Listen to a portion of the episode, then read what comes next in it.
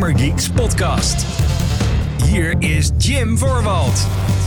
Hallo mede Gaming Geeks, wel leuk dat je luistert naar de Gaming Geeks podcast, de wekelijkse talkshow van GamingGeeks.nl, waarin ik en meestal een andere geek je graag bijpraten over alles wat er gaan is in en rondom de gamingindustrie. Ik ben Jim, zoals je weet, en eh, deze week zit er niemand tegenover mij. Ik doe deze week weer eh, een ouderwetse solo show, want nou ja, kijk, weet je wat het is? de planning van zo'n podcast is allemaal lastig.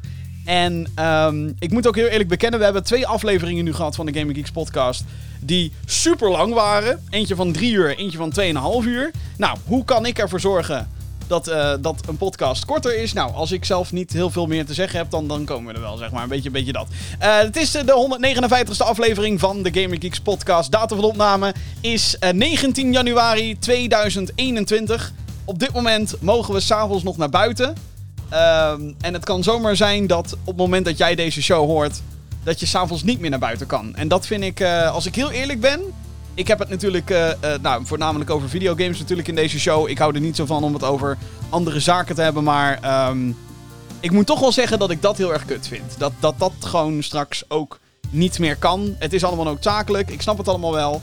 Um, in, in verband met de pandemie natuurlijk, maar ja, het is toch wel dat ik denk, kut. Ik kan dus nu, nu niet eens meer ouderwets heel Holland Bakt gaan kijken bij een paar vrienden, weet je wel? en ja, je denkt dan misschien, Jim, heel Holland Bakt? Ja, ja, heel Holland Bakt, vind ik geweldig.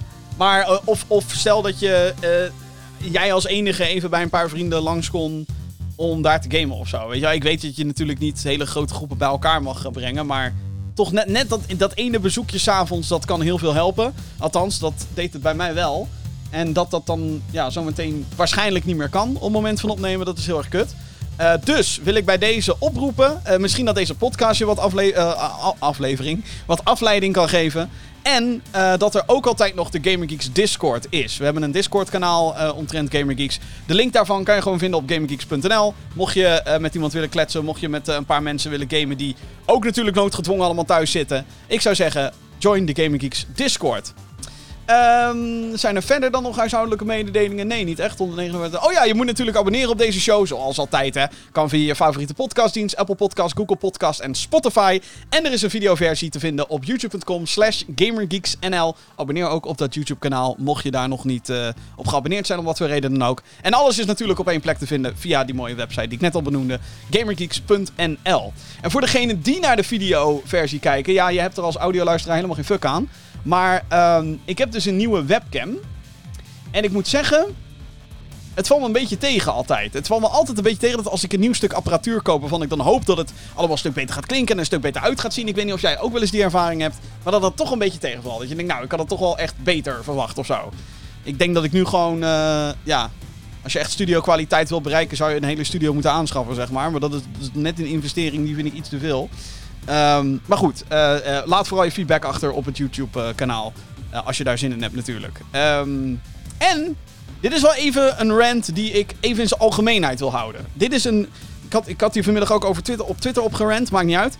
Maar waarom is het zo, dames en heren, dat tegenwoordig, opa vertelt hier, maar waarom is het zo tegenwoordig dat elk fucking apparaat die je aanschaft een veel te korte kabel heeft? Deze gloednieuwe webcam heeft een kabel die misschien net de anderhalf meter haalt. En dan denk je, in theorie, ah joh, dat kan toch prima, Real? Nou, prima toch? Anderhalf meter. Maar, weet je, mijn PC staat niet achter de monitor waar ik de webcam op klik, als, als het ware. En ik merk nu gewoon, ik zit nu letterlijk naar mijn kabels te kijken. Het staat gewoon helemaal strak, zeg maar. Want mijn computer staat onder mijn bureau. Meestal wil ik de kabels ook een beetje normaal kunnen wegwerken. Dat niet mijn hele bureau onder de fucking kabels ligt. Nou, dat is het dus wel. Want alle fucking kabels die tegenwoordig bij apparatuur komen, die zijn te kort. En als je het wil verlengen, dat gaat niet. Want of je moet een, een, een verlengstuk doen waardoor functies van apparaten kapot gaan. Zoals bij deze webcam, dat zou niet de kwaliteit uit kunnen zenden die ik nu uitzend als ik er een verlengsnoer zou doen. Potverdomme. Uh, wat, wat ik eigenlijk op doe... Langere kabels, AUB. Bij alles gewoon. I don't fucking care. Gewoon langere kabels. Waarom is dat zo moeilijk? Ook bij de PlayStation 5 controller. Ook weer zo'n klein kutkabeltje. Dat als je je game wil spelen en opladen. En je he, hebt, e hebt, even een emotionele reactie van... Oh shit, wat gebeurt er? En je gaat met je controller naar achter. Flikker je hele PlayStation uit je mediakast. Slaat helemaal nergens op. Beste fabrikanten, ik weet het, bezuinigingen overal. Oh jeetje, winst, winst, winst, winst, winst. Maar fucking hell, daar overal nou is een... Iets lang, iets lang. Ik vraag ook niet om 10 meter. Ik vraag gewoon om een metertje extra. Eén metertje extra kabel. Dat is het enige wat ik vraag. Goed. Dat is even wat ik kwijt wilde over uh, apparatuur. Echt waar. Ik, ik, of ben ik de enige die er last van heeft? Ik denk het niet. Ik denk echt niet dat ik de enige ben die last heeft van de veel te korte kabels. Goed, um, dat. Tot zover mijn rant. De playlist. Oké. Uh, wat heb ik allemaal gespeeld deze week? Nou, het is weer een beetje same old, same old. Um, Secret Neighbor, daar heb ik het vorige week in de podcast hebben het daar al over gehad. Fantastische game. Echt waar, dit is de ultieme lockdown game. Met je vrienden. Gaat spelen. Zoek het maar op op Steam. Secret Neighbor. Het kost wel wat. Kost volgens mij 20 euro uit mijn hoofd. Maar het is fantastisch. Je gaat met een groep vrienden, ben je, een, uh, je bent een groep kinderen. En je moet in een, uh, uh, ja, in een huis moet je op zoek naar sleutels voor de deur van de kelder. Maar één van de kinderen is de neighbor, de secret neighbor, oftewel de imposter als je Among Us hebt gespeeld. Het is werkelijk waar fantastisch. Ik ga er niet al te veel over herhalen, maar oh, geweldig. Zoek het op, ga het spelen. Er is ook een GamerGeeks map, is er. En die, uh, die heeft uh, Medegeek Vincent gemaakt, die je ook wel eens in deze show hoort. Geweldig. Echt waar, ga dat checken. Te gek. Verder, wat heb ik verder allemaal gedaan? Um, ja, ik, ik, ik heb vooral veel van, wat, wat ik al zei, ik heb veel van dezelfde dingen gespeeld. Call of Duty, uh, Cold War uh, nog steeds gedaan. de zombies mode heb ik heel veel gedaan. En die heb ik eindelijk uitgespeeld. Je hebt in elke zombies map heb je een aantal objectives die je moet doen. Dat is allemaal veel te ingewikkeld. En je moet 80.000 stappen ondernemen. In plaats van dat je gewoon kan zeggen: Ik overleef zoveel rondes. En er komt een boss fight. Moet je eerst 14.000 triviale dingen doen. Dat is me inmiddels gelukt. Dus dat. Joepie. Ik ben trots op mezelf. En ik kan trouwens niet wachten op de nieuwe Call of Duty Zombies map die er aankomt. Uh, er is er eentje, uh, die komt op 4 februari aan mijn hoofd. Komt er een nieuwe map in, in Call of Duty Cold War Zombies. Daar heb ik best wel zin in. Want ik heb veel te lang heb ik die Zombies mode gespeeld met één level. Dat gaat dan toch een beetje vervelen. Gaat toch een beetje... Je denkt, ah, ik wil wat nieuws. En ik, heb, ik ben ook een beetje bezig met het opzetten van Mario Kart Live Home Circuit. Dat is uh, um, de Mario Kart waarin je ook een speelgoedautootje erbij krijgt. En dat je dan op je Switch moet kijken um, waar je auto is. Uh, maar dan, zie je, dan rijdt hij in real life rond. Zit de camera op en zo. Is te gek. Uh, dat wordt nog een heel project. Ik moet daar. Uh, nou, we zitten nu toch in lockdown. Dus ik kan wel een circuitje maken in huis, denk ik. Maar uh, daar ben ik ook allemaal mee bezig. Goed, ja, allemaal, allemaal niet hele nieuwe dingen. Niet hele boeiende dingen. Um, er is ook niet heel veel nieuws uitgekomen nog dit jaar. Dus komt goed uit, denk ik. Een beetje lekker backlog bij, bij werk, je weet toch. Zometeen in de Gamer Geeks podcast. Goed, dan gaan we over naar het nieuws. Heel veel nieuws is er niet. Maar wat er is. Woe! Woe! Er is, uh, is belangrijk nieuws. Um, ja, zometeen dus. Uh, ook in 2021 worden games helaas uitgesteld. En er zit, uh, zit er weer eentje bij waarvan bij mij in ieder geval een dikke traan over mijn wang ging. Van, nee, meen je dat nou? Moeten we nog zo lang wachten? Ik raak er nu ook gewoon al verdrietig van. CD Projekt Red, de uitgever achter Cyberpunk 2077, die gaat flink door het stof. En ik heb daar ook wel mijn woordje over. en is er een New Hope voor Star Wars games. Heel veel mensen denken van wel. De details, laten we daar maar meteen naartoe gaan. Nieuws. Want in het nieuws, dames en heren. Uh, belangrijk nieuws. Uh, al, alhoewel, het eerste was een beetje. Het leek triviaal. Maar goed, ik ga het gewoon, uh, ik ga het gewoon uitleggen. Lucasfilm, de divisie van de Walt Disney Company, die verantwoordelijk is voor alles omtrent Star Wars, heeft aangekondigd dat zij een nieuwe afdeling hebben geopend omtrent games. Voortaan zullen alle titels gebaseerd op die IP's onder de noemer Lucasfilm Games gepubliceerd worden. Met het nieuws kwam een trailer waarin alle recente Star Wars projecten werden getoond. Dit zijn, uh, uh, nou denk aan Battlefront 2, uh, Star Wars Jedi Fallen Order. Er was een, een, Star Wars pack in Minecraft die nog even belicht werd. Er was een ehm, Star Wars Galaxy of Heroes, wat een of andere mobile game is. Geen idee wat we daar eigenlijk bij aan moeten. Uh, Star Wars Squadrons werd daar natuurlijk ook in, uh, in getoond. En, uh, en veel meer Lego Star Wars ook. de Skywalker Saga die dit jaar uitkomt. gek genoeg zat virtual reality titel Vader Immortal niet in die compilatie, wat ik gek vond. Maar goed.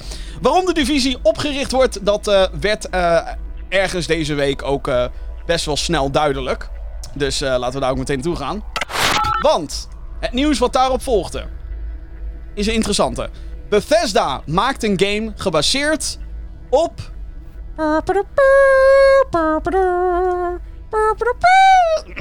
Indiana Jones. De aankondiging die werd gedaan door de uitgever in samenwerking met het eerder genoemde Lucasfilm Games. Ontwikkelstudio Machine Games die is bezig met de game. Deze ontwikkelaar heeft Wolfenstein The New Order, Wolfenstein 2, The New Colossus, Wolfenstein Youngblood en Wolfenstein Cyberpilot, die laatste twee dan in samenwerking met Arkane, uh, gemaakt. Als het gaat om de toon zal dit uh, veel familievriendelijker worden dan de Wolfenstein games, althans dat is te verwachten. Maar het zal geen toeval zijn dat Indie het vaak uh, tegen nazi's opneemt, wat ook het geval is in Wolfenstein. Todd Howard, hoofdman van, hoofd van Bethesda Game Studios, is, is, betrokken als executive producer bij het project. De game zal een origineel verhaal vertellen die losstaat van de films. Bethesda wist ook te delen dat het nog wel even duurt voordat we meer details krijgen. Het lijkt erop alsof ze de game rond de tijd van de nieuwe film willen uitbrengen. De filmfranchise van Indiana Jones heeft nu een vijfde deel in ontwikkeling. Steven Spielberg die produceert die film. James Mangold, bekend van Logan, die regisseert. En Harrison Ford keert terug als de bekende archeoloog. Indiana Jones 5, dat is een werktitel, moet in 2022 in de bioscopen gaan draaien. Met deze aankondiging zijn er meer speculaties online gekomen over wat Bethesda's rol gaat zijn als uitgever. De partij die werd vorig jaar voor 7,5 miljard dollar overgekocht door Xbox. Nu Bethesda werkt aan Indiana Jones, lijkt het sterk dat de PlayStation-platforms uh, worden uitgesloten van deelname. Maar een officiële bevestiging hiervan hebben we nog niet. Oké. Best veel informatie in één keer. Maar oké, uh, gewoon uh, heel kort gezegd. Als we alles heel kort moeten samenvatten. Bethesda, Machine Games, Indiana Jones game. Klaar. Dat, dat is eigenlijk het enige wat je moet weten. En kennelijk doet Todd Howard executive producing. Wat ever the fuck dat dan ook mag betekenen. Ik denk dat het uh, um, gewoon een, een soort van stuurrol is van... Oh ja, ja, dit ziet er goed uit. Prachtig. Mooi man. Um, en ik vond dit heel erg tof. Uh, en het, het was... Wat ik hier tof aan vond, is dat natuurlijk het eerste wat je aankondigt zodra het over Lucasfilm gaat, zou je denken: oh, het gaat over Star Wars. Weet je wel, er komt een nieuw Star Wars project aan. Maar nee, ze beginnen juist met die andere grote Lucasfilm franchise. En dat is Indiana Jones. Uh, dus dat vind ik heel erg dope. Um, dat we zeg maar voorlopig nog niks te zien gaan krijgen. Nou, dat lijkt me zeg maar vrij duidelijk. Um, ik bedoel, wat ik al zei, wa wa waarschijnlijk duurt het gewoon nog even voordat ze. Uh, uh, ik, denk nog, ik denk dat deze game nog in pre-productie zit. Uh, dus misschien dat het zelfs nog langer gaat duren dan 2022. Alhoewel um, het ook wel weer heel realistisch lijkt dat, um, dat Machine Games hier al een tijdje mee bezig is. Want is Machine Games bijvoorbeeld bezig met meerdere projecten? Komt er een Wolfenstein 3? Of is het gewoon, fuck it, je wel, fuck Wolfenstein voor nu. Of nou, fuck, gewoon eventjes laten rusten. En we gaan door met Indiana Jones. Ik vind Bethesda in die zin dan ook een hele interessante. En als je het aan mij vraagt in ieder geval, denk ik dat we nu wel gewoon kunnen zeggen... Bethesda gaat echt wel blijven publishen op PlayStation. Het feit dat zij dit nu als zijnde Bethesda aankondigen... en niet dat Xbox ineens komt met... Hey, wij maken, met teams van Bethesda, een Indiana Jones game. Ik denk... Ik denk dat ze echt wel die hoek hadden gekozen als het echt alleen op Xbox zou gaan verschijnen. Dus het lijkt erop. Kan altijd nog veranderen natuurlijk, want ze zijn immers. Uh, nou, de koop is volgens mij nog niet officieel afgerond, juridisch gezien zeg maar. Maar het lijkt erop alsof Bethesda op zichzelf gaat blijven fungeren. En dat wij. Um, dat je er vanuit kan gaan dat tenzij er een exclusiviteitsdeal is dat games van Bethesda naar PlayStation komen. Dus Elder Scrolls 6, Starfield, een mogelijke nieuwe Fallout of Doom of whatever er uit die stal komt. Ik denk dat die ook gewoon naar PlayStation uh, gaat. Naar PlayStation consoles gaan komen. PlayStation 5, basically. Want ik denk niet dat Lucasfilm. Oh, wel, dat zeg ik nu wel. Maar ze hebben natuurlijk. Uh, de, de, de Marvel-kant van Disney heeft natuurlijk met Sony de Spider-Man game. Maar ja, daar zit dan veel meer. Weet je, Spider-Man en Sony hebben veel meer affiniteit met elkaar dankzij de films. Dus dat is wat logischer. Dit, ik weet niet. Ik, ik, ik, heb, ik ben er in ieder geval wat meer van overtuigd dat uh, Bethesda ook gewoon op PlayStation gaat blijven. Wat denk ik heel goed nieuws is voor de PlayStation gamers. Die hoeven dan echt niks meer. Of nou, echt niks meer te missen is natuurlijk niet waar. Maar die hoeven minder te missen dan waarschijnlijk dat we een paar maanden geleden verwachten. Uh, toen Bethesda gewoon van Xbox was. Ja, zijn ze nog steeds, maar je snapt hopelijk wat ik bedoel. Dan, de Indiana Jones game. Um, ben benieuwd. Ik bedoel, er zijn weet ik hoeveel mogelijkheden die je kan, uh, die je kan hebben. Uh, ja, je, het meest logische voor mij zou zijn een big budget third-person action-adventure game. Met, ehm, met her en der wel puzzelelementen. Want het blijft toch Indiana Jones. Eh, als ik aan Indiana Jones denk in videogame vorm. Dan is Tomb Raider het eerste wat bij mij te binnen schiet. Eh, want dat was immers heel erg gebaseerd op Indiana Jones, zeg maar. Qua, qua ja, het was eigenlijk gewoon Indiana Jones, maar dan met een vrouw. Eh, een hele stoere chick ook overigens. Met guns, veel meer nadruk op guns. Maar in eh, Indiana Jones schiet ook natuurlijk met geweren. Um, en ja, als ik daar dan weer aan denk, dan moet ik ook weer meteen denken aan Uncharted. Die weer heel veel van Tomb Raider heeft. Die weer heel veel van Indiana Jones heeft. Dus ik denk, het lijkt allemaal alsof het één grote cirkel wordt. Dat Indiana Jones allerlei games inspireert. En dat die games er nu voor gaan zorgen dat ze een Indiana Jones game opzetten. Dus ik ben heel benieuwd naar. Machine Games is wel een hele goede developer. Als hierdoor Wolfenstein, of althans de toekomst van Wolfenstein sneuvelt voorlopig, zou ik dat wel jammer vinden. Alhoewel de laatste Wolfenstein game echt fucking kut was. Dat was Youngblood. Die vond ik niet goed. Dat was een klote game. Um, op allerlei fronten overigens. De gameplay niet. Ik weet wel dat Machine Games hele goede games aan zich kan maken. Dus ben benieuwd. Uh, waar ik ook natuurlijk stiekem benieuwd naar ben, is wie, of, uh, wie Harrison Ford gaat spelen. Nou ja, basically wel. Maar wie gaat Indiana Jones dan spelen? Wordt dat Harrison Ford? Waarschijnlijk is hij veel te duur. Uh, of hij zegt, na die filmopname zegt hij waarschijnlijk, ik ben fucking klaar hiermee. Met, het zou me niet eens verbazen als Indiana Jones de laatste filmrol ooit wordt. Dat hij zegt, klaar. Ik hoe oud, is Harrison Ford inmiddels? Wacht even, laat me even een quick, quickie Google doen. Wacht, quick Harrison Ford Age. Hoe oud is deze man? Hij is 78. Tering. Oh, wel, andere acteurs gingen natuurlijk ook langer door totdat ze uh, ja, weg, waren, zeg maar. Maar um, ja, dat. Dat, dat. zijn bij mij de, de, de ik ben benieuwd dingetjes. Dus Indiana Jones game, tof. Gaan we er binnenkort wat van zien? nee, natuurlijk niet, joh. Ben je helemaal... nee, joh. Nee, joh. Tuurlijk niet, je. Helemaal gek geworden ben je. Anyway, uh, er is uh, wat meer spannend nieuws dan ook. Want je zou denken, waar is Star Wars? Nou, uitgever Ubisoft heeft aangekondigd dat zij werken aan een nieuwe Star Wars game. De Zweedse studio Massive Entertainment is bezig met de titel die omschreven wordt als een, let u op, een story-driven open world action adventure. Massive Entertainment staat bij vele gamers voornamelijk bekend als de studio achter The Division en zijn vervolg, The Division 2. Naast het Star Wars project zijn ze bezig met een andere game gebaseerd op de tweede Avatar film, die geregisseerd wordt door James Cameron. De game verschijnt, net zoals de film, in 2022, althans dat is de bedoeling op dit moment. Nu Ubisoft bezig is met een Star Wars titel, is het duidelijk dat Disney de exclusiviteitsdeal met EA niet verlengd heeft. In 2013 werd er een contract getekend die de mega-publisher de exclusieve Star Wars rechten gaf voor 10 jaar, althans als het gaat om PC en consoles. Deze verloopt in mei 2023, als ik het goed heb. Wel blijft EA samenwerken met Lucasfilm Games en blijven ze dus ook Star Wars games maken. Nou, uh, dit was uh, bommetje drop nummer 2 als het gaat om Lucasfilm en, en, en alles wat met Star Wars te maken heeft. Dus er komt nog een nieuwe Star Wars game van Ubisoft. En. Hmm. Ten laten we het eerst even over die exclusiviteitsdeal met EA hebben. En waarom dat uh, potentieel goed nieuws is voor Star Wars fans. Ik ben best wel liefhebber van Star Wars. Um, ik hoor van een aantal um, meer fanatieke mensen dan ikzelf. Dat ik mezelf geen Star Wars fan mag noemen. Omdat ik de Clone Wars en Rebels niet uh, heilig uh, gebinged en gekeken heb. Um, maar goed, whatever. Dat maakt even niet uit. Ik vind mezelf een Star Wars liefhebber. Ik, alle films geweldig. The Mandalorian, fantastisch. Heel veel Star Wars games ook gespeeld. En um, ja, die exclusiviteitsdeal met EA de afgelopen, nou nu acht jaar, was best wel desastreus. Het was best wel een drama. Het was wel gewoon, ja...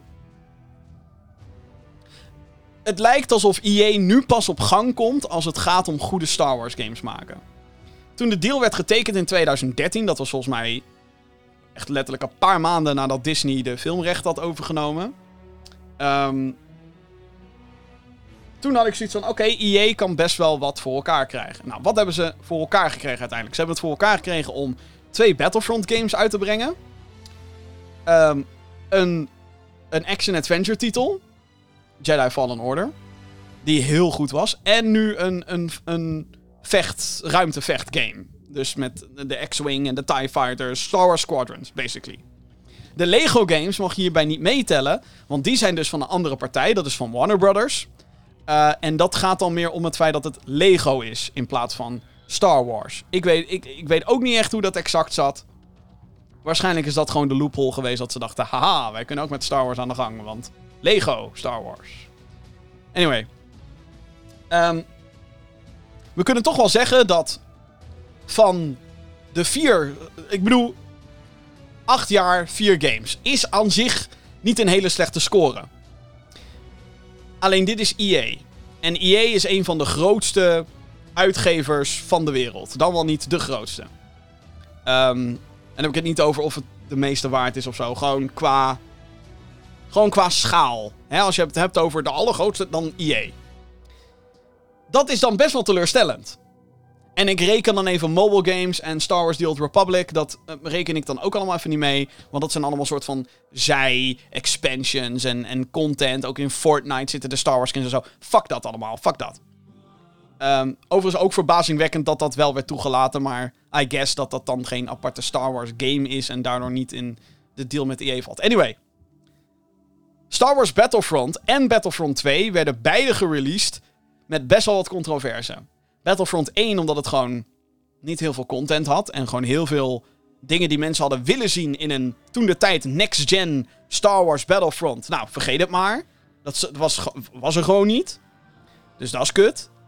Um, en uh, ik kan me nog heel erg herinneren dat er heel veel te doen was om die Season Pass van Star Wars Battlefront 1. Dat er, er zat heel weinig content in de game, maar je kon wel voor 60 fucking euro kon je een extra Battle Pass kopen. En, uh, nou, prachtig. Ja?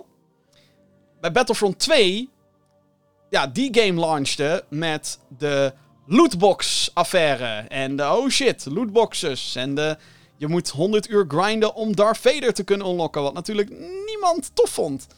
Um, dat, dat, was een probleem. En dat was. Uh, uh, we hebben nooit de officiële bevestiging gekregen. Maar het schijnt dus zo te zijn dat. Um, Disney daar zelfs een stokje voor heeft gestoken. Dat ze hadden gezegd toen de tijd. Jongens, doe er wat aan. Want holy shit. Jullie zijn nu de Star Wars brand kapot aan het maken.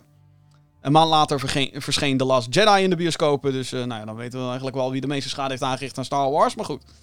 Um, zonde, want Star Wars Battlefront 2 beleeft eigenlijk sinds zijn launch, of eigenlijk sinds een jaar na launch, weer een opleving van heb ik jou daar. Um, op het moment van opnemen is uh, Battlefront 2 gratis op de Epic Game Store. En het schijnt zo populair te zijn. Ik bedoel, het is gratis, de, weet je wel. Maar het schijnt nu zo populair te zijn dat de servers er gewoon last, van, last mee hebben. Oh, kut. We, kunnen het niet handelen, de traffic. En um, als je nu gewoon kijkt naar het totaalpakket. Er zit een singleplayer campaign in. Er zitten een aantal modi in. Ik weet niet of alle modi's wel goed zijn. Ik ben ook niet helemaal. Ik ben het persoonlijk niet helemaal eens met hoe de balans is uitgewerkt. En hoe alles voelt. Het mag van mij echt gewoon veel strakker dan uh, hoe het nu is. Maar whatever van wat ik ervan begrijp. En zeker als ik dan uh, mensen hoor die heel veel Battlefront 2 hebben gespeeld, is dat het nu gewoon een genot is. Het is gewoon leuk. En het is gewoon, Battlefront 2 is nu gewoon een solide game. Maar dat heeft echt al een paar jaar geduurd. Um, en de controverse, je merkt uh, zeker bij een, een, titel als Battlefront 2 nu, dat de eerste indruk ontzettend belangrijk is. Dus in de geschiedenisboeken zal Battlefront 2, um, ehm, ja, die zal die boeken ingaan als de game die de lootbox-affaire weer naar boven bracht. En waardoor er sindsdien ook uh, steeds meer maatregelen genomen worden door allerlei uh, overheidsinstanties. Uh, dus in die zin heeft het misschien ook wel wat goeds gebracht voor ons allemaal. Um, maar ja, dus, dus niet goed. Star Wars Jedi Fallen Order. Prima. Prima. Geweldige game als je het aan mij vraagt. Hele toffe Star Wars game. Single player, action adventure. Wat Dark Souls elementjes hier en daar. Um, gewoon heel erg tof. Echt super toffe game. Star Wars Squadrons, nou, geen big budget titel. Was ook niet fully priced. Maar gewoon heel tof dat je in zo'n vliegtuig kon zitten. En, of vliegtuigruimteschip, sorry. Kon rondvliegen en tegen elkaar kon knallen. En een singleplayer campaign ook. En in VR kon spelen. Dus daar haalt EA heel veel punten mee. Dat is de Star Wars EA geschiedenis in de notendop. En toch denk ik, joh, je bent EA. Je hebt weet ik hoeveel studio's, je hebt weet ik hoeveel geld. Dit is Star Wars. Dat is best wel een, uh, Nou, een IP waar je u tegen zegt. Hè? Oneindig veel potentie. En er is zo weinig mee gedaan. En ik weet dat er meerdere Star Wars projecten in ontwikkeling zijn geweest. Uh, sterker nog, er is een studio door gesneuveld. Uh, Visceral Games, dat is een studio, was een studio die Dead Space had gemaakt. Nou, uh, ze hadden Amy Hennig, de schrijfster van de Uncharted-trilogie, de eerste drie dus, hadden ze aangetrokken om daaraan te werken. En dat project is gewoon nooit van de grond afgekomen. Dat was gewoon klaar. Dat was gewoon, ja, doei. Ze gingen, wilden dat later nog omvormen tot een soort Destiny-clone, geloof ik. Blij dat ze daar niet mee zijn doorgegaan, want dat was ook een dikke flop geweest, denk ik. Um, maar ja, vier games in acht jaar tijd. En komt er nog een, een, een game bij? Nou ja, misschien wel. Uh, ik denk sowieso dat Respawn, die studio, dat die bezig zijn met uh, uh, Jedi Fallen Order 2. Of hoever de fuck je dat dan ook wel nieuwe. De volgende Jedi game. Die game verdient ook een vervolg wat mij betreft. Ik vind het fantastisch. En het verhaal zet ook wel heel veel hints neer van... Oh ja... Mm, mm, mm. Er komt een. Eh, laat ik er komt een vervolg, punt, denk ik. Haha. Maar ja, dan. Uh, dan ben je er wel een beetje. Dus als we, als we er even van uitgaan dat er binnen nu en twee jaar nog een, nog een, nog een game uitkomt, dan zitten ze op uh, vijf games. Heel weinig. Dus ik ben heel blij dat dit nu gebeurd is. Ik ben heel blij dat ze die uh, exclusiviteitsdeal niet verlengen ik denk dat Disney uh, en Lucas of Lucasfilm Games inmiddels ook wel heeft gezien van ja, weet je, we hadden hier veel meer uit kunnen halen. Um, er staan weet ik hoeveel studio's te trappelen om met Star Wars aan de slag te kunnen. Je kan er allerlei soorten kanten mee op. En daar waar EA een beetje een, een kleine hint daarvan heeft laten zien van wat potentieel zou kunnen. Ze hebben het ook een paar keer verneukt. Um, ze hebben er niet alles uitgehaald wat erin zit. Fuck it, we gaan dat contract niet verlengen. Daar ben ik super blij mee. Wat gaat Ubisoft hiermee doen? Ik ben dus heel erg bang, of nou bang. Ik, ik weet eigenlijk niet eens of dat wel zo'n slecht idee is. Een Assassin's Creed-achtige game. In, uh, met een Star Wars uh, skin. Nou. Is waarschijnlijk niet eens het slechtste idee wat je kan bedenken. Uh, ik hoop niet dat het zoals de huidige Assassin's Creed wordt. Dat het zeg maar weer, oh ja, ga naar die toren, naar, pak die objective, pak die kistjes. En ik hoop ook wel dat ze toch een beetje voorzichtig zijn met um, de canon van Star Wars. Dus dat alles nog wel in hetzelfde universum blijft. Dat is iets waar Disney natuurlijk heel erg op zit te hameren. Uh, van nee, het moet allemaal passen in ons verhaal en onze visie en blablabla. Prima, weet je wel? Maar ja, hoe meer games er komen, hoe meer risico je natuurlijk neemt dat daarin geklooid gaat worden. Of dat eh, Disney op een gegeven moment zegt, nou, die game niet kennen. Ja, what the fuck, weet je, dat haat, ik.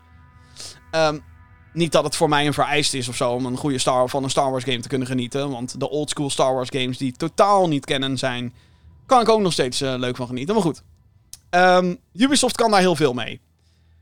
De studio, Massive, die dus nu aan een open world Star Wars game werkt. Ja, die, die kunnen wel wat. Um, ik vond de Division 2 Vond ik namelijk heel erg goed. Um, je moet natuurlijk wel van het genre houden, de looter-shooter. Dus ik ben benieuwd of ze ook een beetje die kant op gaan dat je loot moet verzamelen en zo. Wat ik eigenlijk gewoon hoop, is dat je in die game geen Jedi speelt.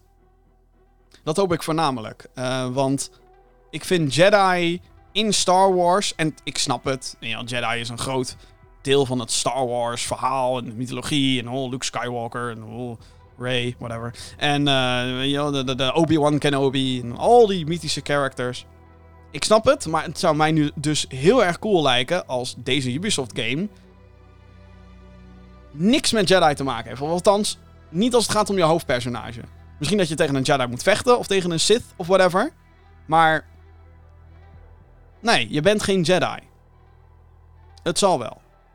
Wat me super vet lijkt, maar dat gaat denk ik niet gebeuren, maar wat me echt super bruut lijkt, is als um, er een Jedi Knight reboot komt. Je had een gameserie Jedi Knight, daar zijn drie games van verschenen. Of nee, vier eigenlijk. Dark Forces, Dark Forces 2 Jedi Knight, Jedi Knight 2 Jedi Outcast en Jedi Knight Jedi Academy. Ik weet het, ik zeg nu heel vaak Jedi.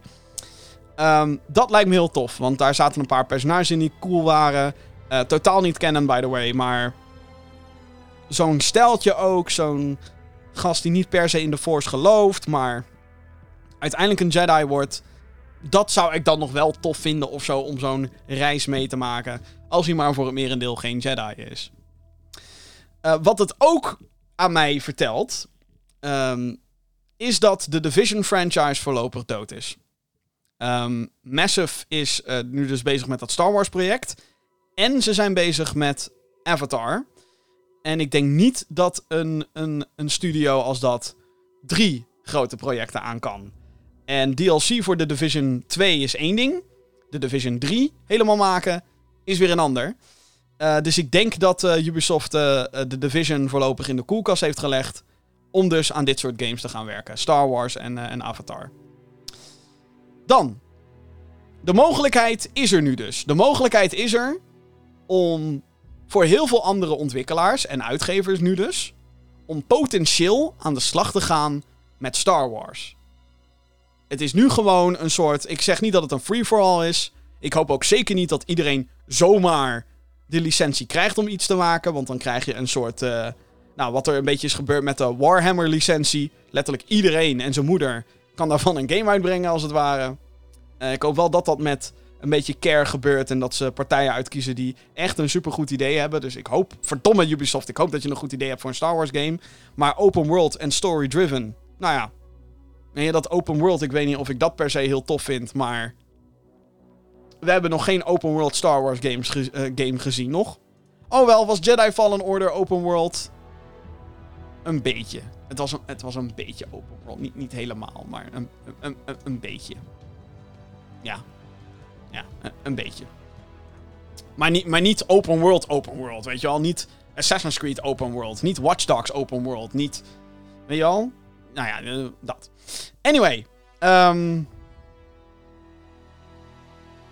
er zijn dus weet ik hoeveel ontwikkelaars die er dus nu mee aan de slag kunnen. En, en ik denk dat je daar kan je echt alle kanten op. En waar ik persoonlijk op hoop zijn um, dingen zoals een Star Wars strategy game. Dat lijkt me tof. Als we dat weer eens een keertje krijgen.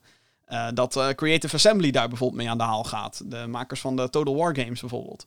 Dat zou cool zijn. Gewoon strategy game. Rebels versus the Empire. Of The First Order tegen de Resistance. Weet ik veel, verzin maar wat. Een strategy game. Tof. Of dat 2K bijvoorbeeld een XCOM-achtige game maakt. Met een Star Wars skin eroverheen. Of um, dat ja, wat voor dingen kan ik meer verzinnen? Nou, Jedi, Jedi Knight had ik het al over. Een Jedi Knight reboot. Um, misschien. Uh, nou, uh, een, een, een nieuwe Star Wars podracer. Als EA. Ik bedoel, EA kan in principe dus ook nog steeds Star Wars games blijven maken. Hallo, haal die Burnout developers weer eens even van stal. Ja? En ga een Star Wars podracer maken, joh. Dat zou ik te gek vinden. Een next-gen Star... Yeah. It's working, it's working. Dat lijkt me te gek. En natuurlijk wil, willen heel veel mensen, sinds dat The Mandalorian op Disney Plus te zien is, uh, zijn er heel veel mensen die zoiets hebben van: ik wil verdomme een Mandalorian game.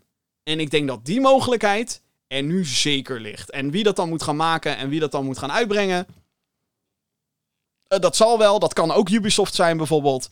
Maar wat dat betreft zijn er weer mogelijkheden. Er zijn weer, we hoeven niet meer te kijken naar IE van please, doe wat goed. En please, oh, ja, het is zo... Ah, dat was toch wel, wel gewoon een beetje claustrofobisch als het gaat om Star Wars en ideeën. En zeker als we dan, ja, bedoel, we hebben nu een beetje gezien in acht jaar wat IE voor elkaar krijgt. Niet veel. En dat wat er is, is vaak toch wel met een hmm, kan EA het doen? En met de laatste twee games, wat ik al zei, hebben ze het geflikt. Het is gewoon super spannend weer. Het is bijna alsof er dus echt weer een nieuw hoop is voor Star Wars. En er zijn zoveel mogelijkheden, jongens. Je kan het zo gek niet bedenken. Er zijn zoveel tijdperken van Star Wars ook inmiddels. Je hebt de prequel trilogy. Je hebt de, wat er tussenin zit. De, de, de, tussen al die films. Je hebt de Clone Wars. En je hebt de, tussen 3 en 4 heb je weet ik hoeveel wat je daarmee kan doen. En dan heb je tussen 6 en 7 heb je allerlei dingen wat je kan doen in die universe. En dan heb je 7, 8, 9. We kunnen na film 9 ook gaan in die games. Dat kan gewoon. Zolang Disney het natuurlijk allemaal goedkeurt, maar het kan. Weet je? En ik weet het, ze zien episode 9 als het einde van Star Wars. Fuck dat. Ik denk echt niet dat dat het einde is van eh, heel Star Wars. Maar ehm, dat, dat, dat vind ik heel spannend. Dat vind ik heel tof. Dat we gewoon weer breed kunnen nadenken over wat we nou kunnen doen met games plus Star Wars. En, ah, ik kan niet wachten. Zullen we dus nog wel even moeten doen. Want uh, die Ubisoft game ehm, komt in ieder geval na mei 2023. Dus ook net zoals met die Indiana Jones game. Dit duurt ook allemaal wel. Er zijn nu allerlei contractonderhandelingen waarschijnlijk gaande. En allemaal dingen van, nou, wie wilt er een Star Wars game maken, jongens? uh, uh, ik, ik weet zeker dat Lucasfilm Games nu weet ik hoeveel pitches heeft gekregen van weet ik hoeveel uitgevers en, en ontwikkelaars. Van, dit is wat wij willen met Star Wars. Doe je mee? Vraagteken. Dus, um, ja. Wat dat betreft leuk. Uh, benieuwd waar het heen gaat.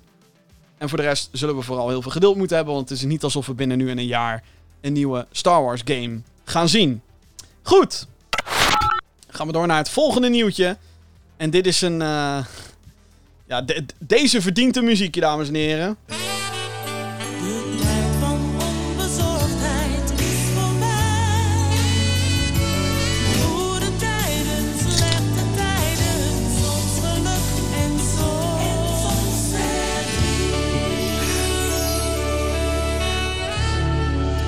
Blikje Red Bull maar weer open gedaan, want. Uh, oh jee. Oh jee. Het gaat over. Cyberpunk 2077. You're breathtaking. Mwah. Yeah.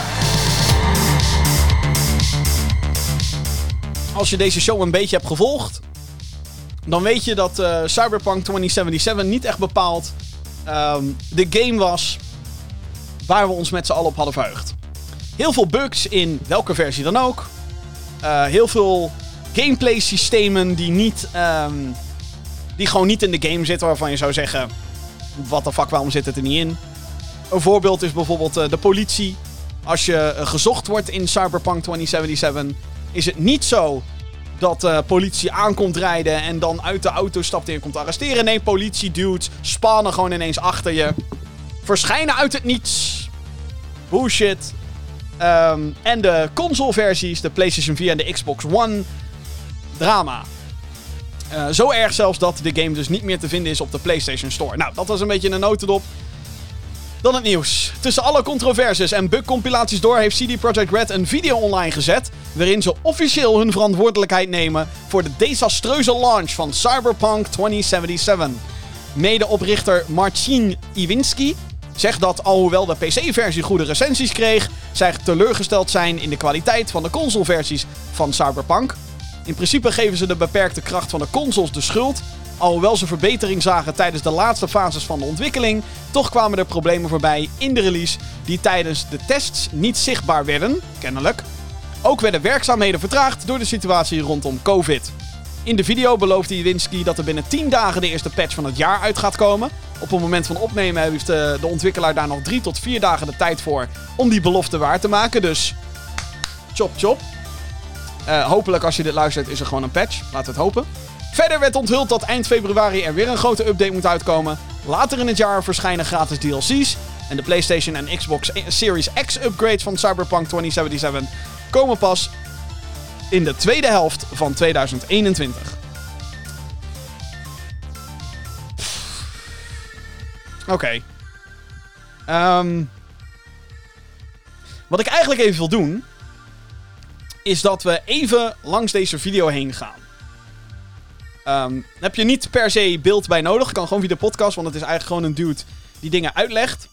Maar um, er zit zoveel bullshit hier. Zo ontzettend veel gelieg en bedrog. En wat ik al zeg, fucking onzin. Dat ik zoiets heb van. Mm. En er zijn heel veel mensen die nu zeggen: Oh, CD Projekt Red, wat zijn jullie toch goed bezig? Oh, ben ik blij dat er updates uitkomen. Oh, wat zijn jullie toch dapper dat jullie excuses aanbieden. Opgepleurd. Want deze fucking video zit. Nou ja, uh, ik, ik, ga, ik ga het gewoon opzetten ook. Uh, uh, luistert u mee, kijkt u mee met de, de, de, de apology video van, van Cyberpunk 2077. Um, ik, ik ga gewoon, ik stop gewoon de video en de audio, whatever, wanneer ik iets te melden heb. En dat gaat best wel vaak zijn. Oké, okay, het is in het Engels, by the way. Joh, Maar oké, laten, we, laten we even... Hey everyone, Hi. my name is Marcin Iwinski and I'm the co-founder of CD Projekt. Hallo. When I started CD Projekt 25 years ago, one of its founding principles was honest and direct communication with gamers. Tuurlijk. When CD Projekt Red, the game development part of CD Projekt was born, it added something important to that principle, the ambition to make the best games in the world. It became our mission and something that guided us up until now. Tuurlijk. Based on that legacy of genuine and honest communication, you've trusted us and pre ordered our game. And despite good reviews on PC, the console version of Cyberpunk 2077 did not meet the quality standard we wanted it to meet. Oké, ten eerste. Ik vind, ik vind ook echt oprecht dat de mensen die Cyberpunk 2077 op PC een hoog cijfer hebben gegeven, om wat voor fucking reden dan ook, eigenlijk ook wel hun verantwoordelijkheid moeten nemen. En tuurlijk, weet je al, smaak, games recenseren blijft altijd een controversieel iets. Het blijft een moeilijk iets. Ik heb er zelf ook wel moeite mee. Ik heb de laatste tijd geen videoreviews meer gemaakt, want ik zit elke keer in een soort tweestrijd met... Goh, als ik dit zeg, ben ik dan te lief voor de game? Als ik dit zeg, gaan mensen me dan weer te kritisch vinden? Het is altijd... Blijft altijd kut. Maar als ik lees dat Cyberpunk 2077 van sommige fucking publicaties een 9 out of 10 gekregen heeft... En zij dus de, de, de, nou ja, de day one PC-versie hebben gespeeld. En dan het, ja, maar onder de bug zit een prachtige game. Dat kan je vinden. Kan. Maar ik vind niet dat je als recensent mag zeggen... Oh, ehm, de game heeft wel heel veel bugs, maar dat laten we gewoon allemaal even achterwege. Dat, dat, hè?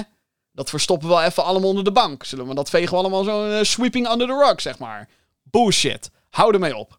En ik vind het vooral, zeg maar, grappig dat deze eh, co-founder eh, nu dus dat als een soort van, weet ik veel, een soort van vasthougreep eh, gebruikt. Zo van, good reviews on PC.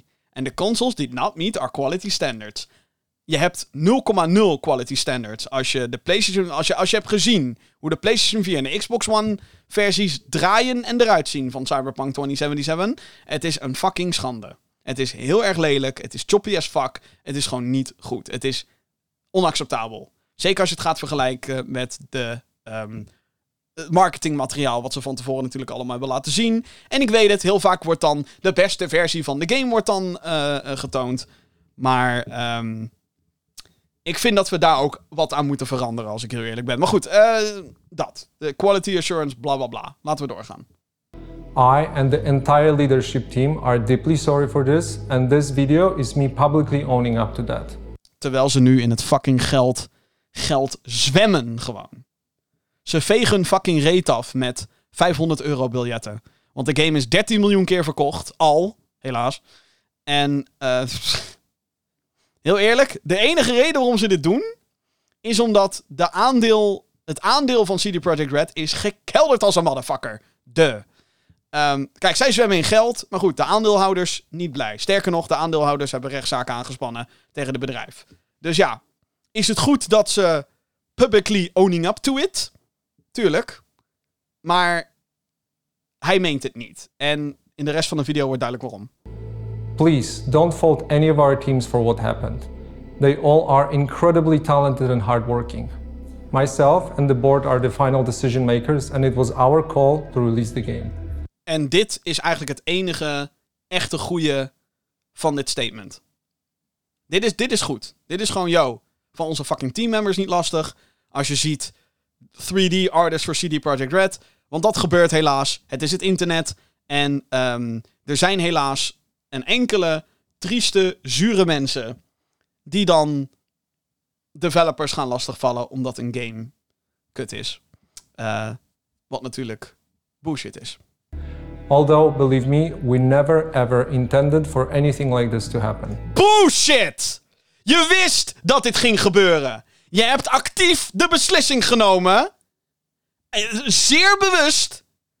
Met alle intentie om het op deze manier te releasen. Om de ramp die Cyberpunk 2077 op dit moment nog steeds is, om dat de wereld in te gooien. Daar heb je heel bewust voor gekozen. En het is niet zo dat niemand bij CD Projekt Red op de hoogte was van hoe fucking buggy en hoe fucking fucked up de game op consoles is. Bull fucking shit. Not our intention.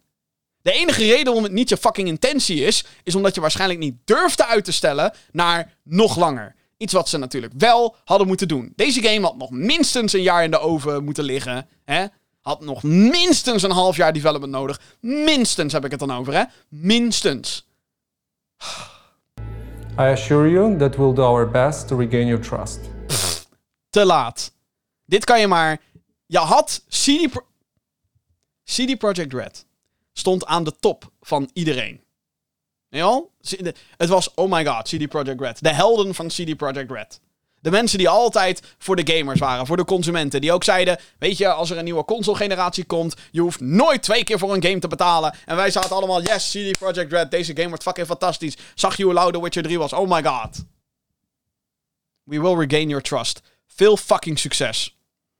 Dat, dat vertrouwen ben je bij mij in ieder geval, en ik denk bij heel veel anderen, en meer dan terecht, volledig kwijt.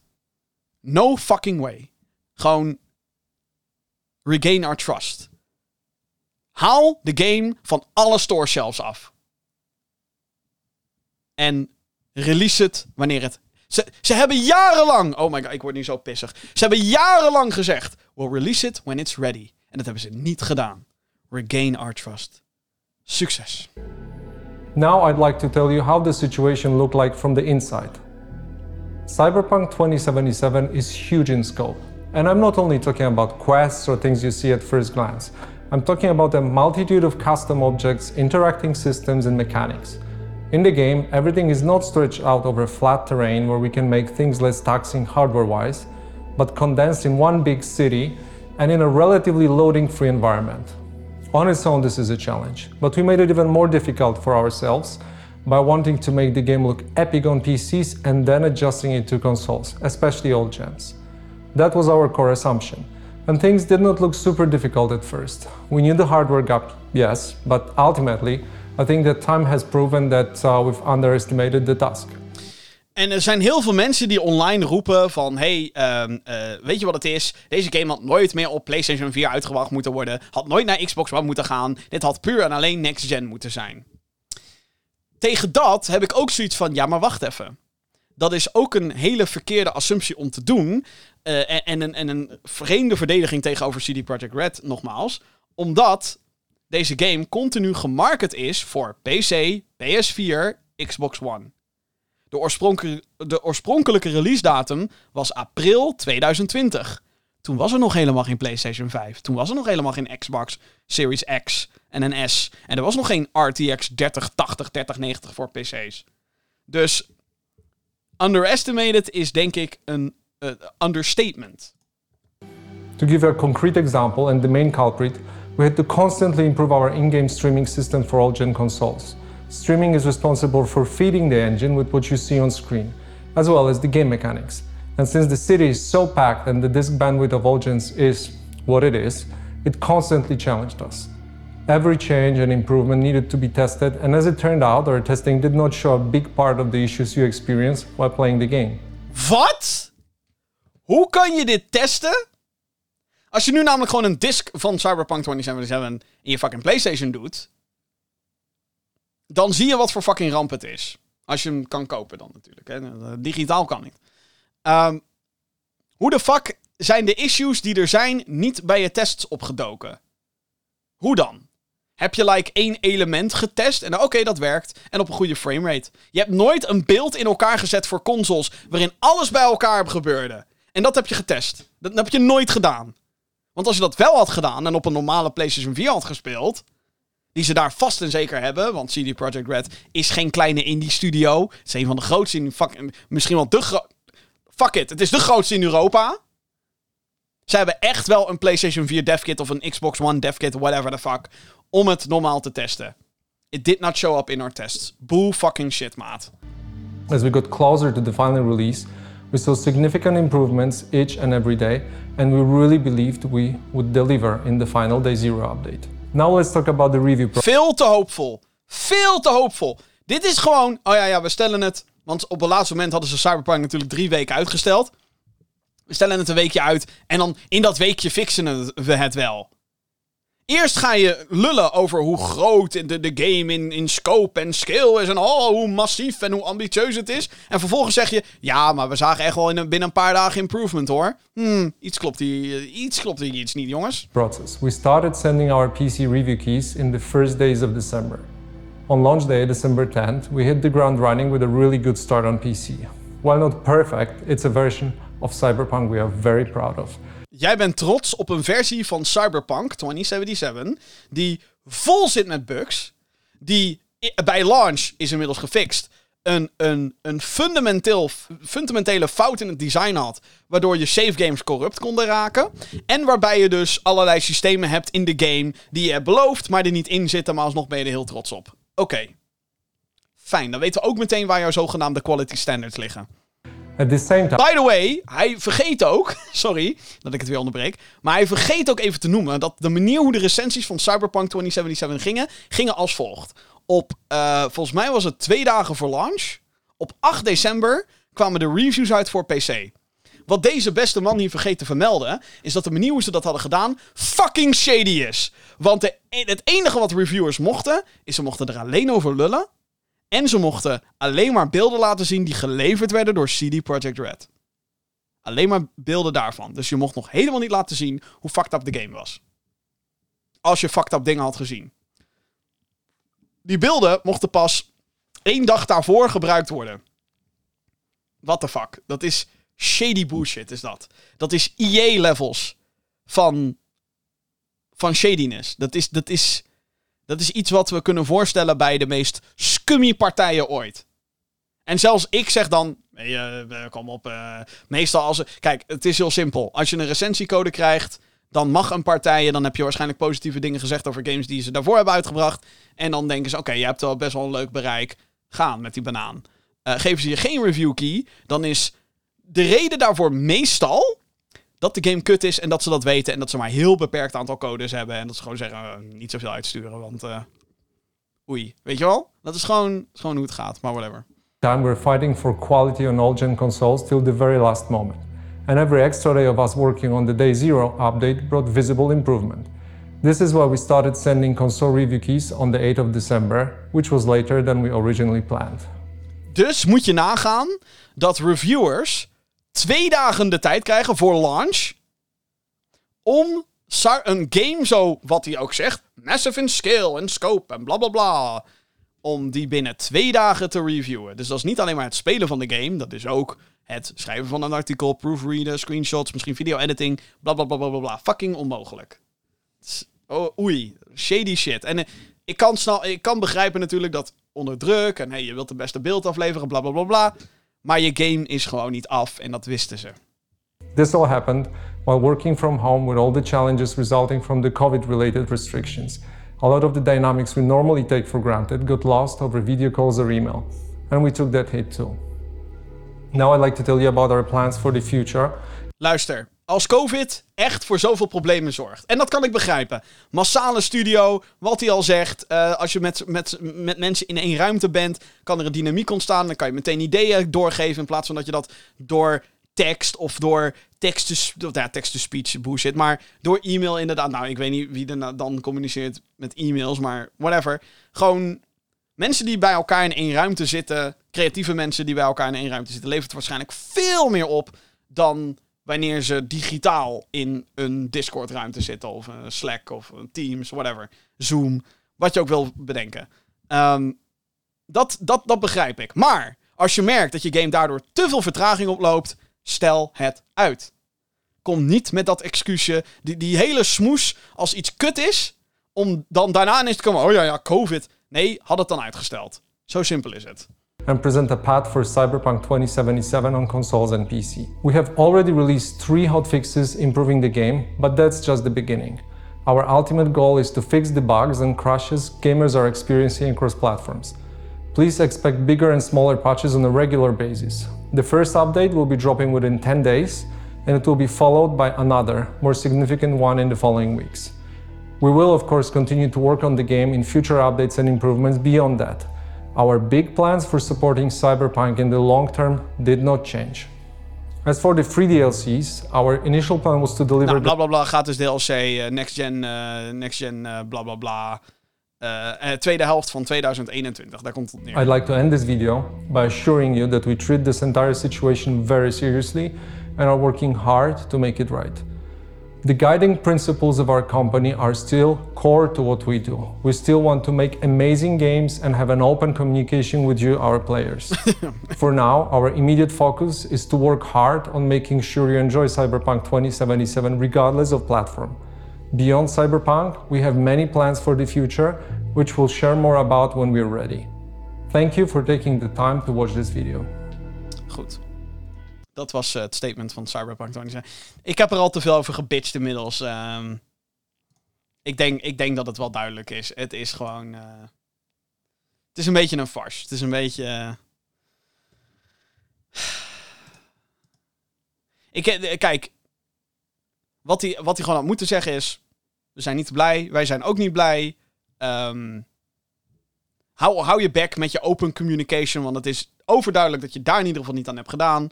Had gewoon gezegd, wij gaan nu gewoon aan het werk. En dat je voor de rest inderdaad gewoon je mail houdt. En dat je dan met updates uitkomt. En that's it. Gewoon... Kan het nog goed komen met Cyberpunk 2077? Ongetwijfeld. Ik denk echt dat we over een jaar hebben we een te gekke, misschien wel te gekke versie van de game. Het is alleen zonde dat die game bij mij nu al geïnstalleerd staat. Dat mensen nu al heel graag willen spelen. Omdat je het al in de winkel hebt geflikkerd zonder dat het af is. En dat is een fucking schande. Goed. Ah, nieuws. Oh ja, er is nog, eh, nog een paar nieuwtjes. Geen zorgen. De rant is voorbij. Ik heb nog meer slecht nieuws helaas. Eh, het jaar 2021 begint niet goed voor Harry Potter fans. De game Hogwarts Legacy, die wordt gemaakt door Avalanche Software, is ehm, uitgesteld. Ja. Via Twitter hebben ze aangegeven meer tijd nodig te hebben om de game af te maken. En dus is hij eh, dus, delayed, een uitstel, kutzooi, naar 2022. Oei. Dat is wel eh, heftig, dat je zegt... eh, Rustig. Een specifieke, eh, een specifieke datum is overigens niet gegeven voor deze game. Mijn hart brak toen ik dit las. Vooral omdat wij vorige week nog een podcast hebben gemaakt met eh, de games waar wij op ons, ons op verheugen in 2021. En wat stond er? Best wel heel erg hoog. Hogwarts Legacy. Wat gaat er dus niet door? Hogwarts Legacy. Dit jaar. En daarop zeggen wij hashtag jammer joh. Dat is wel echt eh, gewoon heel kut is dat. En het is niet het enige uitstel. Nee, nee, er is nog meer. Ehm, ook Riders Republic, een open world stunt en race game van Ubisoft, gaat zijn eh, oorspronkelijke release date van 25 februari 2021 ook niet halen. Deze game werd vorig jaar aangekondigd tijdens het digitale event Ubisoft Connect. Dat was in september. Wanneer de game wel moet uitkomen, dat is niet bekendgemaakt. Later dit jaar, zeggen ze nu. Beide games zijn, eh, eh, die, die ik zojuist benoemd heb, dus Riders Republic en Hogwarts Legacy, moeten uitkomen voor PC, PlayStation 4, PlayStation 5, Xbox One en Xbox Series X. En ik geloof in het geval van eh, Riders Republic ook nog op Stadia. Dus ja, dat Riders Republic werd uitgesteld, daarvan heb ik zoiets van, ja, no shit Sherlock. Want ehm, van die game hoorden we helemaal niks meer. Ik vraag me überhaupt af wie nou oprecht zin heeft in dit spel, in dat Riders Republic. Ik bedoel, er zullen ongetwijfeld mensen zijn die het tof vinden. Maar dit is een game die schreeuwt om een demo. Dit is zeg maar, pleur maar een demo online of een beta, whatever, waar iedereen bij kan. Niet dat je moet pre-orderen voor een beta. Nee, gewoon een beta waar iedereen erbij kan. Zodat we denken, oké, dit is heel tof, hier wil ik meer van. Want de trailers en zo... Ik bedoel, het zag er wel leuk uit, maar wat is nou het doel van het spel? Dat is echt gewoon niet duidelijk. Ja, misschien races her en der, maar geen idee. Goed. Eh, volgende en het laatste nieuwtje van deze podcast heeft te maken met onze favoriete critters, onze favoriete beesties. Pokémon! Want, positief nieuws, we hebben wel een release datum voor nieuw Pokémon Snap. In deze game speel je als een Poké-fotograaf, heb ik zelf verzonnen, die eh, op eh, eh, de juiste momenten kiekjes moet schieten van verschillende beestjes. In principe speelt de game als een kindvriendelijke on-rail shooter. Dus je gaat door zo'n autootje en dan ga je door zo'n eiland. En dan als Pokémon bijvoorbeeld aan het eten is, dan oh ja, dan zullen we klikken, weet je wel. Gewoon top, toffe dinges. Even kijken hoor. De game verschijnt, want de release date hebben we dus. En wat is het? De game verschijnt op 30 april, exclusief voor de Nintendo Switch. Inmiddels hebben oplettende spelers in de Nintendo eShop gezien dat nieuw Pokémon Snap online functies heeft. Of dit multiplayer mode betreft, dat weten we niet. Daar is nog helemaal niks over gezegd. Sommige mensen hopen dat je dan ook de daadwerkelijke foto's die je maakt natuurlijk kan delen online. Dat lijkt mij toch ergens ook wel logisch als dat kan. Ja, ehm, en wat natuurlijk heel erg bijzonder is, is dat nieuw Pokémon Snap een vervolg is op de eerste Pokémon Snap. Die in 2000, uit mijn hoofd, ehm, uitkwam voor de Nintendo 64. Dus ehm, dat is lang geleden sinds dat er een nieuw is. Het is iets waar fans echt al jaren om janken. En ehm, van wat ik ook begrijp is het, dat het een hele leuke game is. Ik heb het zelf nooit gespeeld. Ehm, als ik alleen even kritisch naar die trailer kijk, het ziet er niet heel goed uit. Het, het is wel weer dat ik denk, oh ja, Pokémon Sword and Shield eh, locaties zijn van stal gehaald volgens mij om... eh, het is gewoon niet zo gedetailleerd, het is gewoon niet zo... En ik snap het, het is een Nintendo Switch, het is geen, het is geen PlayStation 4 en het is al helemaal geen, eh, geen, geen PS5 of Xbox Series X of eh, dikke PC. Maar ik weet niet, er is gewoon iets met, met hoe ze deze games maken dat ik denk, ja maar even los van de resolutie, want ik snap het, weet je wel, maar sommige dingen lijken echt gewoon op PlayStation 2, 2 items. En ik snap het, dit is allemaal hoge resolutie en zo. en Het is Nintendo Switch, het is een handheld, mag allemaal niet te kritisch zijn en zo. Maar ik vond het er niet goed uitzien. En ehm, voor een game die gaat over het foto's maken van dingen, denk ik wel van ja, maar dat mag er dan toch wel echt gewoon goed uitzien. Weet je wel, gedetailleerd. Dat we even. Je wel, dit is, dit is Pokémon Snap Next Level. Weet je wel, dit, eh, Animal Crossing ziet er leuk uit.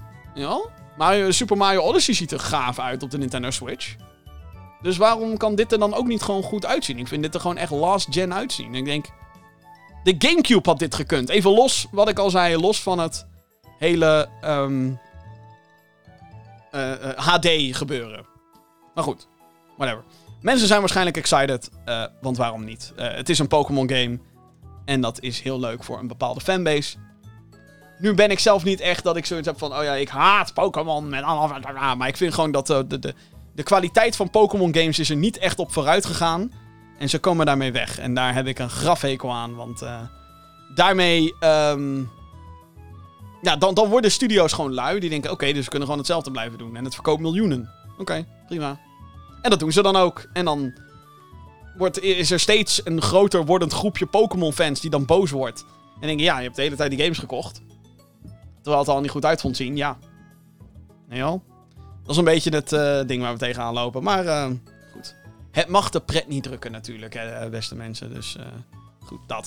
Heb jij een vraag voor de show? Mail naar podcast.gamergeeks.nl Ja, ja, dan gaan wij naar de mailbox. Dus eh, je weet het, hè, de mailbox is altijd bereikbaar. Podcast.gamergeeks.nl Als je een vraag hebt voor deze show, podcast.gamergeeks.nl Ik zag een paar vragen voorbij komen. Eh, even kijken hoor. Ruben die heeft als eerste eh, gemaild. Die zegt, hey geeks, door de podcast van vorige week ben ik nu ook volledig verslaafd geraakt aan de zogenaamde boomer shooters. Ik kan er geen genoeg van krijgen. Ik ben nu bezig met Ultra Kill oeh, en System Shock. En vooral Ultra Kill is zo super fijn om te spelen. Precies zoals Jim hier... Ja, ik, ik, dan zit daar een fragmentje in van de podcast vorige week. Waarin ik helemaal zit... Oh, ja, lekker. Oh, lekker knallen. En dan hoor je die muziek en dan denk je... Oh, dat. Soort van, maar dan overtuigender. Welke, behalve Dust en Amid Evil, raden jullie nog meer aan? Bo- boomer shooters. Groetjes van Ruben. Ehm, welke raad ik nog meer aan? Ik, eh, ik raad Wrath aan. Wrath, Aeon of Ruin. En dat is een game die moet nog uitkomen, maar die is nu nog in early access. Ehm, die eh, eh, is te gek. is een beetje Quake, maar dan met hele grote open levels. En de hoe dat gedaan is, ik vind het heel, tof. ik vind het heel tof. Dus eh, die zou ik aanraden in ieder geval om in de gaten te houden. Of, of op, eh, je Steam wishlist te zetten. Proteus, die eh, benoemde ik vorige week ook al in de, ehm, in de podcast. Ehm, die zou ik ook op je wishlist zetten. Is nu ook in early access. En als je niet heel veel moeite hebt met het spelen van een game die nog in ontwikkeling is, check dat. Ehm, en ik zou. oeh, moet ik even heel goed nadenken. Eh, Oh ja, Graven zou ik in de gaten houden. Daar heb ik het ook vorige week allemaal over gehad. Graven. G-R-A-V-E-N. Graven. Maar dan met een V. En dan in het Engels dan, obviously. Allemaal op Steam, by the way. Gewoon PC. PC is daarvoor het platform. Overigens komt ook dit jaar, geloof ik, de Rise of the Triad. Komt er een, een, een, een poort van Rise of the Triad. Dat, dan ga je wel echt oud, hè. Dat is wel echt 1994. En dat is dan de oude game die dan kan draaien op moderne systemen. Zoals de Nintendo Switch. Daar komt hij volgens mij op uit. Eh Ion Fury. Ion Fury moet je ook checken. I-O-N, spatie, F-U-R-Y. Die is ook op de Switch en op PC. Te gekke game. Is een beetje in de trant van Duke Nukem 3D en eh, Shadow Warrior. De originele Shadow Warrior. Te gek. Ga dat checken, ga dat checken. Boomer Shooters. Ehm, moet ik echt eens een keertje... ehm, ja, nou, daar moet ik echt eens een keertje een, eh, een, een video over maken, heb ik het idee, op Gamer Geeks. Gewoon over boomer shooters en waarom ik ze zo tof vind en waarom ik soort van verliefd ben geworden op dat, eh, op dat sub- subgenre. Dan een mailtje in, eh, in de mailpodcast at gamergeeks.nl van the one and only. Daar is hij weer hoor, dames en heren. Helly, de Helminator. Yo, yo, yo.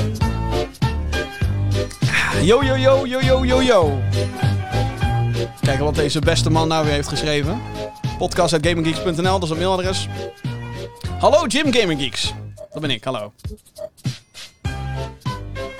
Donald Trump God, is een hele slechte verliezer. Dat klopt. Bij welk speeltje ben je net zo'n slechte verliezer als Donald Trump en wil je je nederlaag nooit toegeven? Groetjes, je favoriete vragensteller, Helly. Ja, ja. Ehm... Nou ja, een game waarin ik heel slecht tegen mijn verlies kan is toch wel Call of Duty. Ik weet het. Schrikbarend. Oh, wat erg! Maar ehm, Call of Duty kan ik echt niet tegen als ik daar continu in verlies. Dan. Eh, nederlaag nooit toegeven. Overwatch. Bij Overwatch merk ik ook altijd dat ik mijn team aan het blamen ben. Van what the fuck? Kut damage. Kut healing. Kut tanks. Doe nooit wat. Dat is altijd een beetje mijn eh, standaard eh, Overwatch eh, talk. Ehm, en de laatste tijd speel ik dus ook Killing Floor 2. Heb ik ook weer vergeten om in mijn playlist te vermelden. Maar Killing Floor 2 heb ik deze middag weer eens even zitten spelen met eh Kamal. De een van de andere co-hosts van deze podcast. En ehm, daar zat ik ook wel heel vaak. Ik zat van, hè, de, movement is gewoon niet zo lekker. Het is gewoon, de game moet je continu in zo'n soort oneerlijke situatie brengen. Je krijgt niet genoeg geld om betere wapens te kopen. Zit ik, ik denk dat dat ook wel een beetje, eh, hè? Ah, à la Donald, Donald Trump is. The game does not give you enough good weapons. It is impossible to complete. It is a scam. It is a debacle. It is the most disastrous thing I've ever seen in any game ever. It's not great. It's horrible. You are a fake game. You have fake rules. Gewoon dat soort shit allemaal. Dat. Nou, ik hoop dat dat een antwoord is die eh, tot je satisfaction eh, is. Eh, dat. Mailbox minigame. En het laatste mailtje van deze week is van YOLO Marijn. Ik heb het niet verzonnen. Eh, dag, eh, beste Jim en Medegeek. Ik heb weer een ditje of datje voor jullie. Ja, je kent het principe. Eh, bij de Mailbox minigame spelen we dus een minigame die jij kan insturen via podcast.gaminggeeks.nl. Je kan er eigen draai aan geven. Het kan ditje of datje zijn. We hebben inmiddels ook de soundcheck. Dat je gewoon een paar game soundtracks instuurt en dat, dat wij dan moeten raden van welke game het is. Kan allemaal. Sturen dus podcast.gaminggeeks.nl. Is perfect voor de wat kortere afleveringen, zoals deze. Goh, Jim, is een uur en 10 minuten een kortere? Ja. Oké, laten we beginnen met de mailbox minigame. Even kijken, dit of dat. Ik moet dus kiezen. Ja, ik ben nu in mijn eentje, dus dat is een beetje... En ik heb niemand om tegenaan te bouncen, zeg maar. Maar goed, komt goed. Eh, nummer 1. Call of Duty Modern Warfare 1 of eh, eh, Call of Duty Modern Warfare 2. En dan staat erbij... Verhaal. Ehm, ik ga weer een... eh, Even instarten, want eh, ik heb Call of Duty Modern Warfare 2 nog nooit gespeeld. What? Ik weet het, ja, het is... Bullshit. Maar... ik denk één dan, I guess. Nummer 2. GTA 5 of Far Cry 3. Dan ga ik toch wel voor eh, GTA 5. Ik vind Far Cry 3 een fantastische game, maar GTA 5 heeft gewoon veel meer. Toch? Is toch groter? Wordt er veel meer mensen gespeeld. Heeft een actieve online mode nog steeds. 3 niet. Dan The Rise of the Tomb Raider of The Last of Us Part 2. Oeh. Ja, persoonlijk, ik ga voor Rise of the Tomb Raider. Want dat vind ik gewoon veel vermakelijker dan The Last of Us Part 2. Maar The Last of Us Part 2 is natuurlijk gewoon veel indrukwekkender en veel... Ja, ik weet niet. Maar als, als je nu aan mij moet vragen wat deze quiz natuurlijk in principe is. Welke zou ik nu willen spelen? Welke zou ik nu meer de neiging hebben om te spelen? Dan zou ik zeggen, ik ga terug naar Rise of the Tomb Raider. Maar dat komt ook omdat het langer geleden is. Dus misschien ook niet helemaal eerlijk. Maar goed, whatever. Dat is mijn keuze. Rise of the Tomb Raider. Nummer 4. Star Wars Battlefront 2 of Battlefield 5. Dan ga ik gek genoeg voor Star Wars Battlefront 2. Want Battlefield 5 is ook zo'n game waarin ik als, net zoals Donald Trump een hele slechte verliezer was. Dus had ik de hele tijd... Wat? Wat? 17 man! Uit Dat was altijd mijn... Dat is de uitspraak die bij mij binnen Gamer Geeks het vaakst geparodieerd wordt. 17 man. Schrijft u op hashtag 17 man. Even kijken, de volgende. Sniper Elite 4 of Hitman 2. Oeh, dat zijn wel echt twee totaal andere type games. Behalve dat je iemand moet omleggen. Eh, maar ik denk dat ik dan voor Hitman 2 ga. Beide niet gespeeld. Dan Just Cause 4 of Watch Dogs 2. Oeh, Nou, ik heb gehoord dat Just Cause 4 een beetje saai was. Dus dan ga ik voor Watch Dogs 2. Nummer 7. Steep versus Trails of, Trails of the Blood Dragon.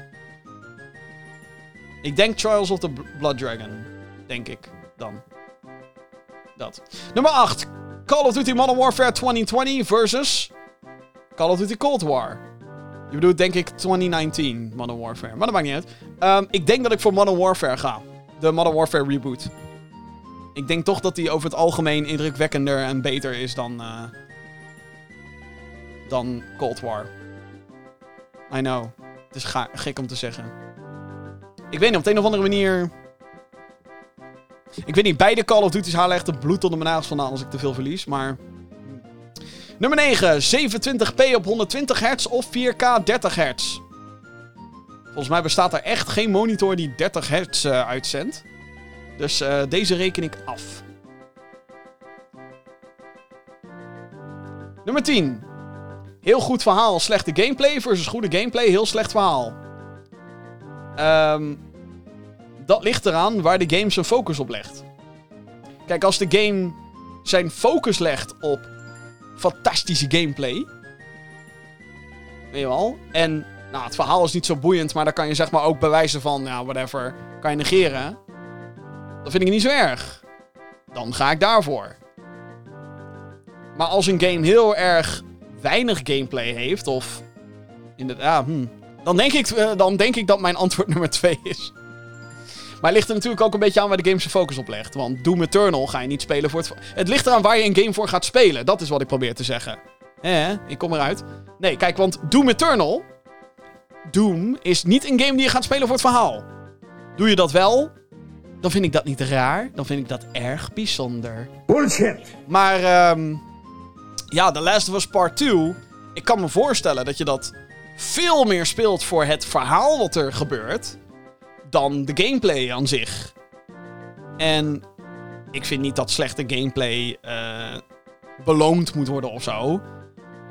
Of nou ja, Life is Strange is dan voor mij een goed voorbeeld. Want Life is Strange, ja, de gameplay daarvan. Er is wel iets van gameplay, I guess. Maar je speelt dat voor het verhaal. Dus het is maar net waar de intentie ligt. En je moet Life is Strange zeker niet gaan spelen als je goede gameplay wilt. Dus het is. Ik kan allebei hebben. Maar het ligt eraan waarvoor je die game wilt gaan spelen en waar de game duidelijk zijn nadruk op legt. Dus Life is Strange legt duidelijk zijn nadruk op. hey, we hebben een super tof verhaal die we willen vertellen. Op een interessante manier, mogelijk. En ehm, Doom is zo van verhaal. Oké, het is er. Je kan de cutscene skippen, maar het is er. Maar ga demons kapot schieten. Dat. Dus. En dat was, eh, dat was de laatste. Dat was nummer 10. Bedankt voor het inzenden van deze mailbox minigame. Sowieso bedankt als je hebt gemaild naar podcast.gaminggeeks.nl. En eh, ja, ik blijf het zeggen. hè. Mail als je dus iets eh, tofs hebt. eh podcast.gaminggeeks.nl. Dat is het mailadres waar jij moet zijn voor al je e-mailadressen. En daarmee zijn we eh, aan het, bijna aan het einde gekomen van eh, deze aflevering van de Gaming Geeks podcast, de 159ste aflevering. Ik wil je bij deze weer heel erg bedanken voor het luisteren naar mijn rants, naar mijn eh, geneuzel over Star Wars games en over Indiana Jones en over nou, al het nieuws wat er is geweest. Ehm, Mocht je dit enigszins leuk hebben gevonden na dit uurtje luisteren, dan zou ik zeggen: abonneer op deze podcast via je favoriete podcastdienst: Google Podcast, Apple Podcast, Spotify. Allemaal is goed. Prima. Abonneer maar. Kan je een recensie achterlaten op de podcastdienst waar je op luistert? Doe dat dan ook. Geef ons lekker de hoogste sterren of recensie, oordeel dinges. Eh, want hoe meer, dan komen we hoger op in de hitlijst. En hoe meer zielen, hoe meer vreugd, hoe meer dingen we voor elkaar kunnen krijgen met deze podcast. Dat lijkt me helemaal fantastisch als dat eh, kan. Eh, de videoversie, die kan je natuurlijk vinden op youtube.com slash gaminggeeksnel. Ook dat is een kanaal waar ik heel graag heb dat je je daarop abonneert. Maar zijn dit allemaal te veel linkjes voor je? Dat kan ik begrijpen. Ga naar gaminggeeks.nl voor ehm, onder andere deze podcast, maar ook de andere content die we maken. En zo nu en dan ook nog eens een interessant nieuwsbericht. Zo is er op gaminggeeks.nl nu een artikel te lezen over... Ik kan bijna niet geloven dat ik dit ga zeggen, maar over een mondkapje voor gamers. Gemaakt door Razer. Razer die je kan kennen van muizen, toetsenborden en eh, nog meer eh, gaming accessoires, hardware. Dus ga dat checken. Ondertussen ook op eh, GamerGeeks.nl een nieuwe editie van GamerGeeks Next. Alle opvallende releases van de maand worden daar elke maand voor je op een rij gezet. Alsmede een volledige releasekalender, zodat je echt helemaal niks hoeft te missen. Eh, mijn Cyberpunk 2077 unboxing staat er ook nog steeds. En eh, eens in de zoveel dagen doe ik Doomderdag. Dan ga ik de oude Doom game spelen. En het is uiteindelijk de bedoeling dat we komen tot de DLC van Doom Eternal. Dus dat eh, gaat helemaal fantastisch worden. En check sowieso de social media van Gamer Geeks voor wanneer we weer gaan livestreamen. Wanneer we weer gekke dingen gaan doen. Wanneer we weer content online hebben staan. Eh, komt allemaal goed. Oké jongens, ehm, ja, wat ik al zei, hartstikke bedankt voor het eh, kijken, dan wel het luisteren, vooral het luisteren naar deze podcast. Heel graag tot de volgende keer en bij deze zeg ik uh, toedeledokie. Dag!